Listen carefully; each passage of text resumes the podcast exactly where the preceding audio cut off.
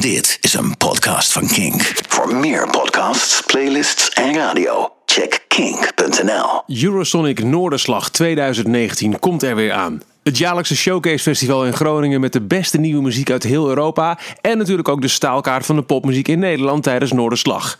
Aan het woord in deze podcast boeker Joey Ruchti. Dit, dit mag niet gewoon een, een, een, regular gig zijn. Dit kan niet een, een, een regulier optreden zijn, toevallig in Groningen. Nee, dit is een plek waar. Dit, dit, als je in Noorderslag staat, dan heb je het niet gemaakt. Als je op Noorderslag staat, dan is het eigenlijk begin. Dan zou dat het begin moeten zijn van een goede carrière.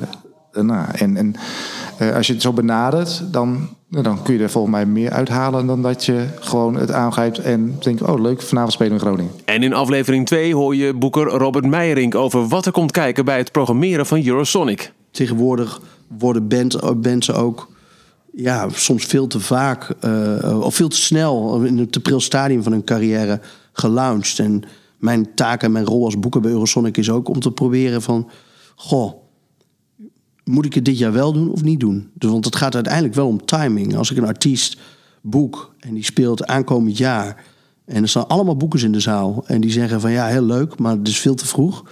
dan heeft die artiest een probleem, want die wordt niet geboekt. De Kink Podcast Eurosonic Noorderslag 2019. Binnenkort op dit kanaal. Abonneer en mis niks.